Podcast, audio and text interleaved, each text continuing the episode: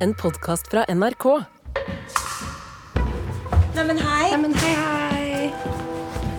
Hvor er det dere går ned? Vi skal gå ut der borte ved du. For jeg må bare hente bilnøklene. Da henter jeg jakka mi på veien. Ja. Klokka er halv fem på ettermiddagen. De ansatte i barnevernet er i ferd med å avslutte arbeidsdagen. Ha det bra! Men Oda er på vei ut sammen med en kollega. Nei, jeg har ikke fått noen beskjed om at de ikke er hjemme. Så da prøver vi på det. Barnevernet ønsker å flytte en tenåring til et fosterhjem. Men først må Oda finne ut hva jenta selv mener. Hun skulka skolen og forsvant før Oda rakk å treffe henne. Nå har barnevernet bestemt seg for å dra hjem til jenta uten at hun vet det. For selv om jeg kjenner de som familie godt, så kjenner jeg jo ikke jenta godt. Så jeg vet ikke hvordan dette vil utspille seg. Er du redd for jenta på noe vis? Jeg er redd for at hun skal rømme. Tenåringen er et av mange barn som er helt avhengig av jobben som gjøres i barnevernet. Det er en toåring også. Nå er hun på vei til et krisesenter sammen med mammaen sin, etter at hun ble hentet ut av en overfylt, skitten leilighet hvor det ble funnet våpen. Vi holder på der sammen med politiet. De ransaker leiligheten. Men at det var så ille, det har jeg ikke vært i en leilighet før hvor det har bodd små barn. Hva gjør barnevernet nå? Hvor skal toåringen bo? Og må tenåringen flytte? Jeg heter Marit Evertsen Grimstad, og dette er andre episode på Innsiden av barnevernet.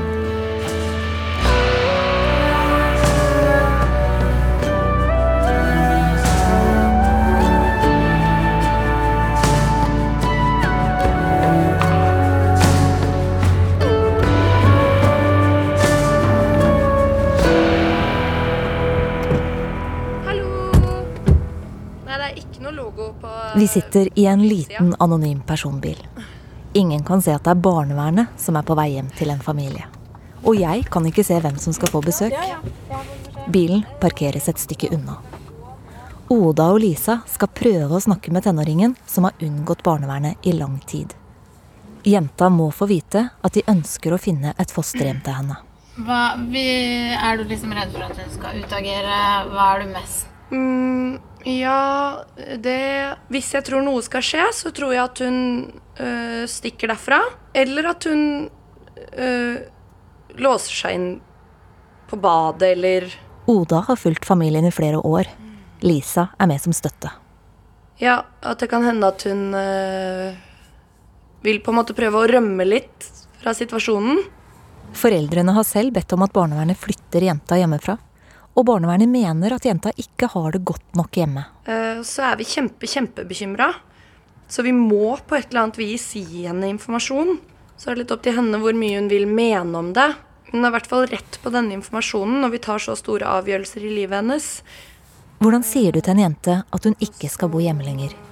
Hvordan sier du 'mamma og pappa vil at du skal flytte', og barnevernet er enig? Hvordan er pulsen din? Mm. Eh, jeg kjenner det litt. Jeg gjør det. Eh, ja, jeg kjenner at jeg skjelver. Men eh, jeg har hatt vanskelige samtaler før. Jeg har kjent det i en stund, sånn at jeg Jeg har liksom rukket å bli litt sånn følelsesmessig investert. Så jeg bare skjønner at det er mye følelser hos denne familien også på det som skal skje, og har kjent på de følelsene de har lenge.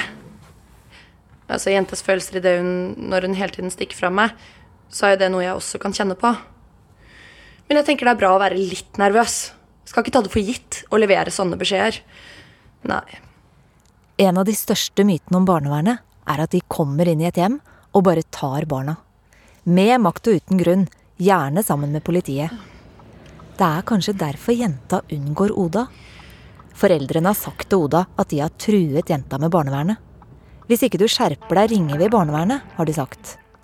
Og nå kommer barnevernet hjem til henne. Ja.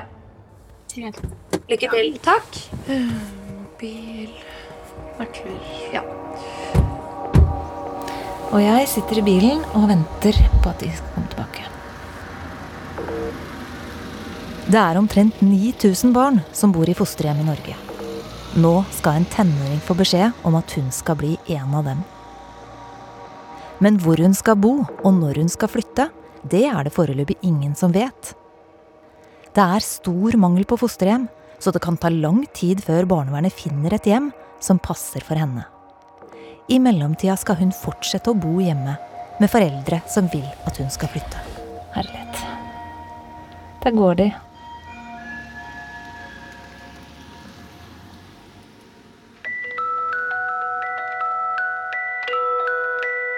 Toåringen har allerede flytta. Det skjedde i all hast etter en akutt hendelse. Mora hadde rømt fra en voldelig far. Leiligheten var full av søppel, hundemat og tåteflasker med gammel melk.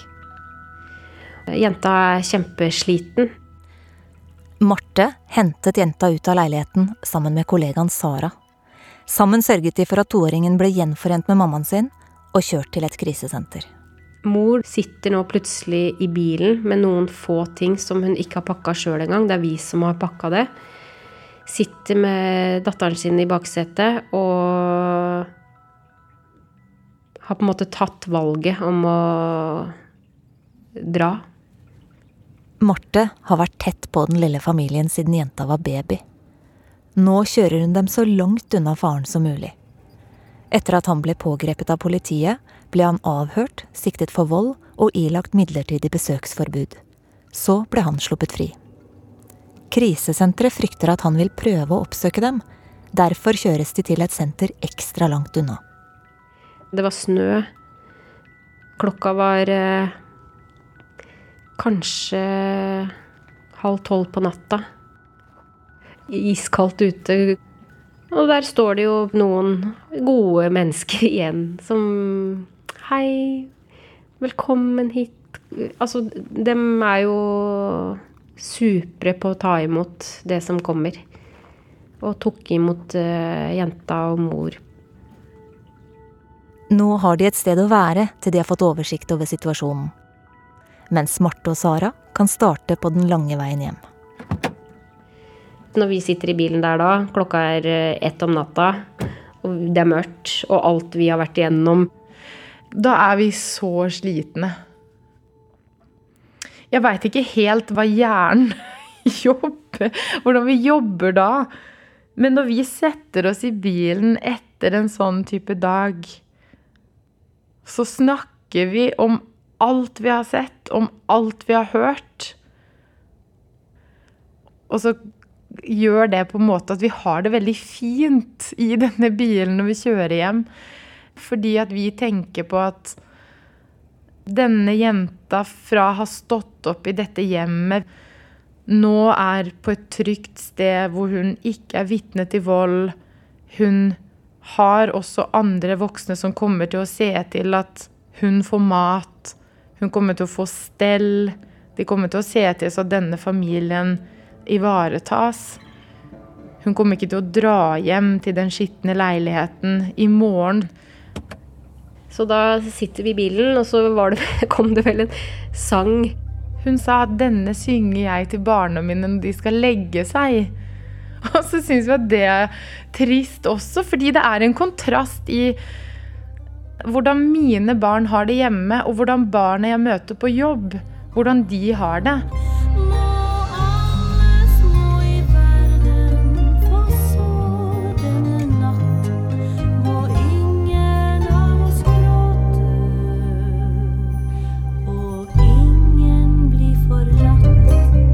Da um, griner vi av det. Av en fin sang på radioen. Og så er det jo egentlig ikke det vi griner av. Vi, vi griner jo av at eh, det vi har vært med på, er så sterkt, da. At dette er livet til noen. Og nå begynte det livet egentlig på nytt i dag. Og så veit man ikke hvordan det blir i morgen. Eller dagen etter. Men vi håper jo at det her er starten på noe bedre. Noe annet enn hva det har vært. Jeg sitter i barnevernets bil og venter, og lurer på hvordan tenåringen reagerer når Oda ringer på døra. Jenta er en av mange tenåringer som Oda følger opp. Før vi dro hit, tok hun med meg inn på kontoret for å fortelle meg hvordan barnevernet dokumenterer alt de gjør. Hva gjør du nå? Nei, nå må jeg logge inn i sikker sone. Det er liksom bak noen brannmurer. Ja. Oda har bare tilgang til de sakene hun selv har ansvar for. Jeg ser ikke dokumentene på skjermen hennes. Det er sensitive personopplysninger vi håndterer. Så nå mm, venter jeg på at det skal koble seg opp, og det tar alltid tid. Her er mine nøkkeltall, som det heter. Hvor mange er det? Ja, hvor mange er det? Det mm, Det er 15. 15 barn følger du opp. Ja. Her ligger eh, alle bekymringsmeldinger som vi har mottatt. Og hvem er det som har sendt inn bekymringsmelding da? Noen ganger er det vi, privatpersoner, politiet, skole, barnevernvakt, eh, utekontakt. Når kom den første meldinga da? Den kom eh, rett etter at hun var født. Oi. Det er ikke uvanlig at det er mange bekymringsmeldinger på samme barn. Det må en bekymringsmelding til for at barnevernet kan undersøke hvordan barn har det hjemme. Og så ligger alle dokumentene i postjournalen. Hva slags dokumenter er det da? Det er bekymringsmeldinger, rapporter fra tiltak vi har hatt inne. Det er mye referater fra møter. Det er eh, ja, søknad til Bufetat og fosterhjem. Det er vedtak. Det er eh, ja, alle telefonsamtaler og forsøk på å få kontakt med jenta. Så hver gang du har gjort et forsøk på å få kontakt med jenta, så står det i et dokument her? Ja. Tenåringens historie viser hvordan systemet fungerer. Hver gang det kommer inn en ny bekymringsmelding, må situasjonen vurderes på nytt. Barnevernet har flere ganger konkludert med at denne familien trenger støtte, og foreldrene har fått tilbud om en rekke tiltak for å fungere bedre. Oda forteller om opphold på familiesenter, støttekontakt, råd og veiledning. Til sammen så er det jo på en måte en historie over et, helt barns liv, men det har jo vært forskjellige prosesser, da. Det har vært perioder hvor vi også har avslutta, ikke sant, fordi at vi har tenkt at nå fungerer det bedre. Det er først og fremst foreldrene som har ansvar for barna sine. Det står i barnevernloven. Derfor skal barnevernet gjøre alt de kan for at barn kan bo hjemme. Det jeg ikke visste før jeg kom hit, var hvor mye av barnevernets arbeid som er basert på frivillighet. Flere ganger takker tenåringens foreldre nei til de tiltakene barnevernet foreslår. Da må barnevernet henlegge saken, hvis det ikke er akutt. Og så kommer det en ny bekymringsmelding, og da blir det konkludert med tiltak. Og så hadde vi det inne i, um, i to-tre år, tror jeg. Og så ble det konkludert med at nå var ting mye bedre hjemme, så da ble det avslutta. Men når man nå sitter der vi gjør nå, sant, og ser historikken til sammen, så er det jo tydelig at vi har ikke klart å lage noen stabile løsninger. Tenåringens historie er også et eksempel på hvordan barn endrer seg når omsorgen hjemme ikke er god nok. Oda forteller at dokumentene viser hvordan jenta forandrer seg fra år til år. I barnehagen en blid og positiv jente som kommer raskt i lek med andre barn. På barneskolen en faglig sterk jente som virker trygg på seg selv. God i sport og populær blant venner. Men etter hvert endrer det seg. Hun er lite hjemme, skulker skolen, havner i konflikter og driver med småkriminalitet. Jeg kan lure på hvordan andre beslutninger hadde påvirka livet hennes, men min jobb er uansett ut fra hva er situasjonen nå, og hva tenker jeg da at hun trenger. Og hva har vi da et ansvar for å, å gjøre? Er det ikke det som er så vanskelig i denne jobben her, at du vet jo aldri helt om det er riktig det du gjør? Det er kjempevanskelig og viktig for meg å ikke være alene om de avgjørelsene, fordi det er vanskelige beslutninger. De, de kan ha store innvirkninger på folks liv. De siste årene har barnevernet fått mye kritikk for at sakene ikke er godt nok dokumentert. Barnevernet har tapt flere saker i Menneskerettighetsdomstolen i Strasbourg fordi man ikke kan lese ut fra dokumentene hva som ligger til grunn for barnevernets avgjørelser. Norge er igjen dømt i Den europeiske menneskerettsdomstolen i en barnevernssak. Det vi er dømt for, er at vi, vi ikke begrunner godt nok hvorfor det har vært så lite samvær etter Og Norge har altså da rundt 30 barnevernssaker som venter i Den europeiske menneskerettsdomstolen. De ansatte bruker stadig mer tid på å skrive ned alt de gjør i hver enkelt sak. Noe av kritikken mot barnevernet har jo vært at det er eh, for vanskelig å lese sakens dokumenter og skjønne hvorfor beslutninger er tatt. Det kommer ikke godt nok frem. Så vi er jo veldig opptatt av at man skal kunne eh, følge saken, som vi sier, i dokumentene. At man skal skjønne Å ja, så kom det. Og da tenkte barnevernet det.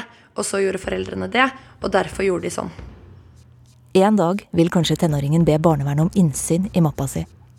Da vil hun se at Oda har prøvd å få tak i henne gang på gang, uten å lykkes. Den største bekymringen er liksom det derre Det bildet av at hun ligger hjemme på senga på dagen aleine. Det bekymrer meg hvordan det påvirker henne, da. Hvilken rolle skulle du ønske at du hadde i hennes liv? Jeg kunne ønske at jeg kunne være en som hun uh, turte å fortelle uh, både det som var bra og det som var kjipt. Og at hun turte å være sur på meg. Og skulle ønske jeg kunne være en hun kunne sende melding til uh, om, om, det som skjer. At jeg kunne gi henne en voksen person hun hadde tillit til. Men her har vi jo da en ung jente, et barn. Mm som ikke dukker opp på skolen. Du vet ikke hva hun driver med, men du er bekymra for mange ting.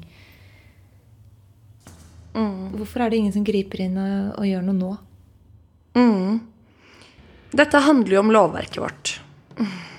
Kravene i loven er oppfylt til at hvis foreldrene samtykker til at hun skal bo utenfor hjemmet, eh, og vi har prøvd hjelpetiltak og ser at det ikke fungerer, så, så kan man det. Og Derfor har vi gjort et vedtak på det. Vi skal finne et fosterhjem til henne. Og så er jo vurderingen Er det akutt? Er det så ikke godt nok at det ikke holder til i morgen? Vi har muligheten til å flytte barn fra den ene dagen til det andre og si 'dette hjemmet, det funker ikke'. De klarer ikke passe på deg. Men da skal det være veldig farlig. Det som er her, tenker jeg at det er eh, skikkelig dritt. Um, det er ikke godt nok. Mens det er ikke ukjent for denne jenta. Og hun uh, kan leve i det til i morgen. Og da betyr det at det ikke er akutt.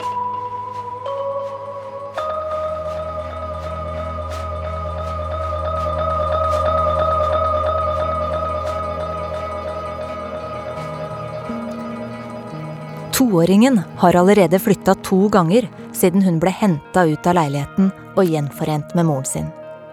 Etter noen uker på krisesenter får de plass på et familiesenter. Det er også et tiltak fra barnevernet. Her skal mammaen få hjelp til å klare seg selv. Hun får råd og veiledning, mens toåringen får være i trygge omgivelser med flere voksne rundt seg. Målet er at de skal flytte inn i sin egen leilighet. At mammaen skal klare å være mamma. Men etter noen uker får Marte en telefon. Så ringte det familiesenteret eh, til meg en dag. Og så sier de at eh, nå har mor sagt at hun ikke orker mer. Nå går det ikke lenger. Hun er helt utafor, og hun klarer ikke å ivareta jenta. Mammaen har fått et psykisk sammenbrudd. Hun klarer ikke å ta ansvar for jenta, og familiesenteret vurderer situasjonen som akutt. Vi kan ikke vente til i morgen. Hun må ha et beredskapshjem i dag. Så da ringer vi Bufetat og sier at vi trenger et beredskapshjem. Bufetat, det er Barne-, ungdoms- og familieetaten. Og det er akkurat så statlig som det høres ut. Mens barnevernet i hver enkelt kommune har ansvar for barna, er det Bufetat, eller staten, da, som har ansvar for de hjemmene barna flyttes til, hvis de ikke kan bo hjemme lenger. Nå trenger toåringen et annet sted å bo, og Bufetat må skaffe et beredskapshjem som kan gi toåringen den omsorgen hun trenger, fram til mammaen kanskje klarer å ta vare på henne igjen. Og da er det, da er det på en måte overlatt til Bufetat, som må finne et ledig beredskapshjem. Og da har de egentlig ganske kort frist på seg? Ja. To timer har Bufetat på seg til å finne et beredskapshjem som kan ta imot en toåring på kort varsel. Samtidig setter Marte seg i bilen og kjører til familiesenteret med en kollega. Denne gangen skal hun skille mor og barn. Når jeg kommer i rommet da, så Jeg ser at hun har det veldig vanskelig. Hun sier det selv at det, sånn som jeg er nå, så kan ikke jeg ta vare på en ett og et halvt-åring. Jeg, jeg, klarer det ikke. Jeg har ikke kapasitet. Jeg har for mye jeg tenker på. Jeg sover ikke. Jeg sliter med angst. Ja.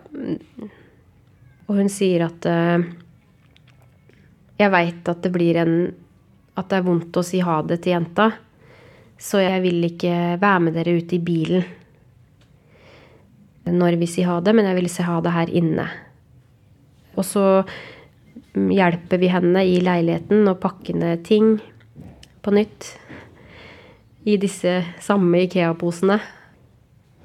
Og så sier hun at nå er jeg klar, nå vil jeg at dere drar, for nå blir det bare vondt for meg hvis hun er her lenger. Så hun kledde på henne. Og hun er jo prega av situasjonen, men hun klarer på en måte å snakke til denne jenta på en god måte og sier at 'jeg ser deg snart igjen'. Dette går bra.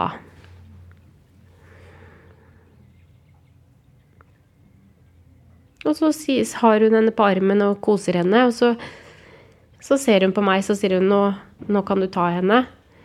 Jeg stoler på at dere gjør det som er riktig for henne. Og så Det er jo litt absurd igjen, da. At jeg på en måte skal ta denne jenta som jeg har hatt så mye med å gjøre. At mor er så klok at hun skjønner dette er bedre for datteren min. At hun klarer å se at jenta har et annet behov enn hva hun kan dekke sjøl nå. At hun trenger hjelp til seg sjøl. Og at hun skjønner at vi ønsker det beste for jenta. Bufetat har funnet et beredskapshjem som kan ta vare på jenta inntil videre. Faren har midlertidig besøksforbud. Han vet ikke at dattera er flytta fra mora. Men det har han rett til å vite. Marte må snakke med han. Oi, nå har det gått ca. et kvarter, 20 minutter, og her kommer de. Jeg sitter i bilen og venter på at Oda og Lisa skal komme tilbake fra hjemmebesøket hos tenåringen. Oda ville snakke med jenta. Ja um, Jenta var hjemme, og mamma som åpna døra. Litt sånn Hun er her.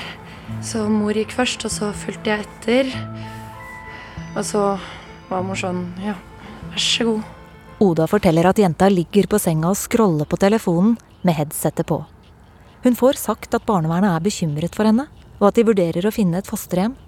Samtidig sitter Lisa i et annet rom sammen med foreldrene. Føler du at du fikk noen reaksjon i ansiktet eller liksom noe kroppslig? Nei. Ikke noe blikk, ikke hun så ikke på deg engang? Nei. Nei, hun Nei, ikke noe. Jenta har rett til å si sin mening, og Oda har plikt til å høre hva hun mener. Men når tenåringen ligger der med headsetet på uten å møte blikket, har Oda egentlig snakket med henne da? Vi kan på en måte tikke av på fått informasjon, Mm. men jeg har ikke noe grunn til å si at hun har forstått informasjonen. Og hun har fortsatt ikke medvirket, da, i sin sak. Mm. Nå er ett skritt gjort. Og så håper vi på en måte at vi kan få noen form for reaksjon fra jenta, så vi kan si litt mer om, om henne og hennes behov. Men det kan også hende vi ikke får det. Nå vet jo ikke jeg hvordan hun er Nei. til vanlig, da, men eh, hun har jo i hvert fall fått muligheten til å medvirke, da. Selv om hun ikke ønsker Ja. eller klarer eller Jeg vet ikke hva det handler om hvorfor hun ikke gjør det, men Nei, ikke jeg heller. kan jo også velge på en måte å ikke ville svare eller svare. Absolutt. Det er jo en rett. Det er ikke en plikt. Men hva føler du selv, da? Nå? Eh, Etter at du har gitt den beskjeden, og vi har vært der inne nå? I forhold til hvordan du følte deg, følte deg før vi gikk ja Nei, altså, jeg Det var jo viktig å hm, Hva føler jeg egentlig? Nei, på en måte så øh, er jeg litt letta. Fordi jeg også mener at det er for dårlig omsorg. Ikke bare fordi vi har så lyst til å, å flytte henne, men det er viktig for meg øh, å prøve å gjøre noe, gjøre noe. Og jeg er også litt sånn forplikta ut fra et lovverk da, til å gjøre noe når noen lever under så dårlige forhold. Um, og har det så vanskelig. Mens Oda og Lisa kjører tilbake til kontoret, varsler de barnevernvakta. Sånn at noen kan fange opp jenta utover kvelden hvis besøket har utløst en reaksjon. Men de to er ferdig for dagen. Men jeg tror at hvis man er en person som lar alt komme inn og slipper alt inn, så tror jeg ikke man varer lenge i det yrket her. For det blir for belastende. Så man må på en måte bry seg, men ikke slippe det inn. Og jeg tror det er en verdi for f.eks. denne jenta her, da. At nei, jeg har ikke blitt sykemeldt eller utbrent eller bytta jobb på en måte. Jeg har blitt. Hvis jeg skal legge hele hjertet på fatet hele tida, så Så blir det veldig slitsomt. Alt er fortsatt skikkelig, skikkelig komplisert.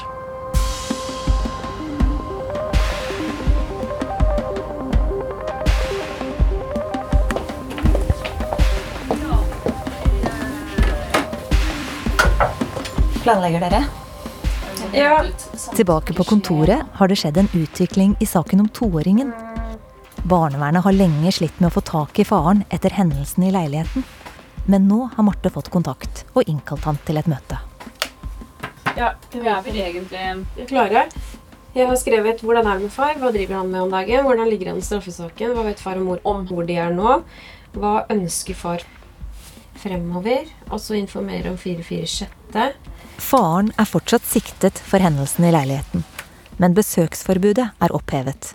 Og som far har han rettigheter. Er du spent? Mm, ja. Hva er du spent på?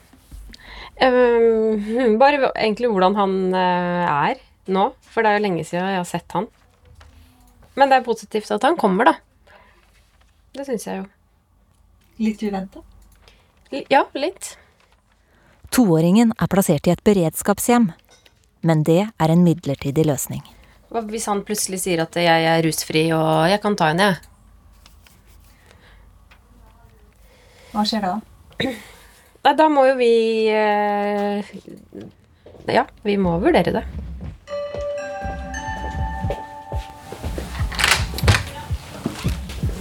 Skal vi se Han der.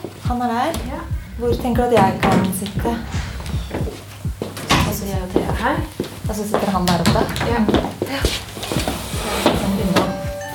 Faren har sagt ja til at jeg kan få være med i møtet. Hei. Hei. Så fint at du komme. Eh, hvordan har du det? Ja, Ganske greit. Det går ganske greit. Vil han kjempe for å få datteren tilbake? Når barnevernet er innblandet, så er det bare rått.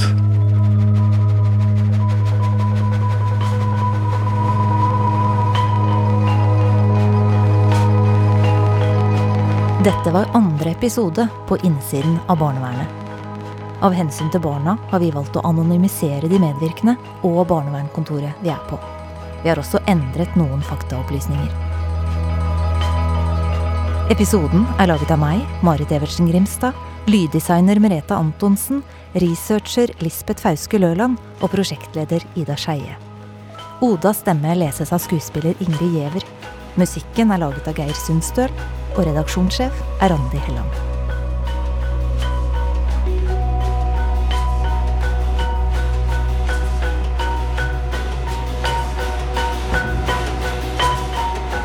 Du har hørt en podkast fra NRK. Hør alle episodene kun i appen NRK Radio.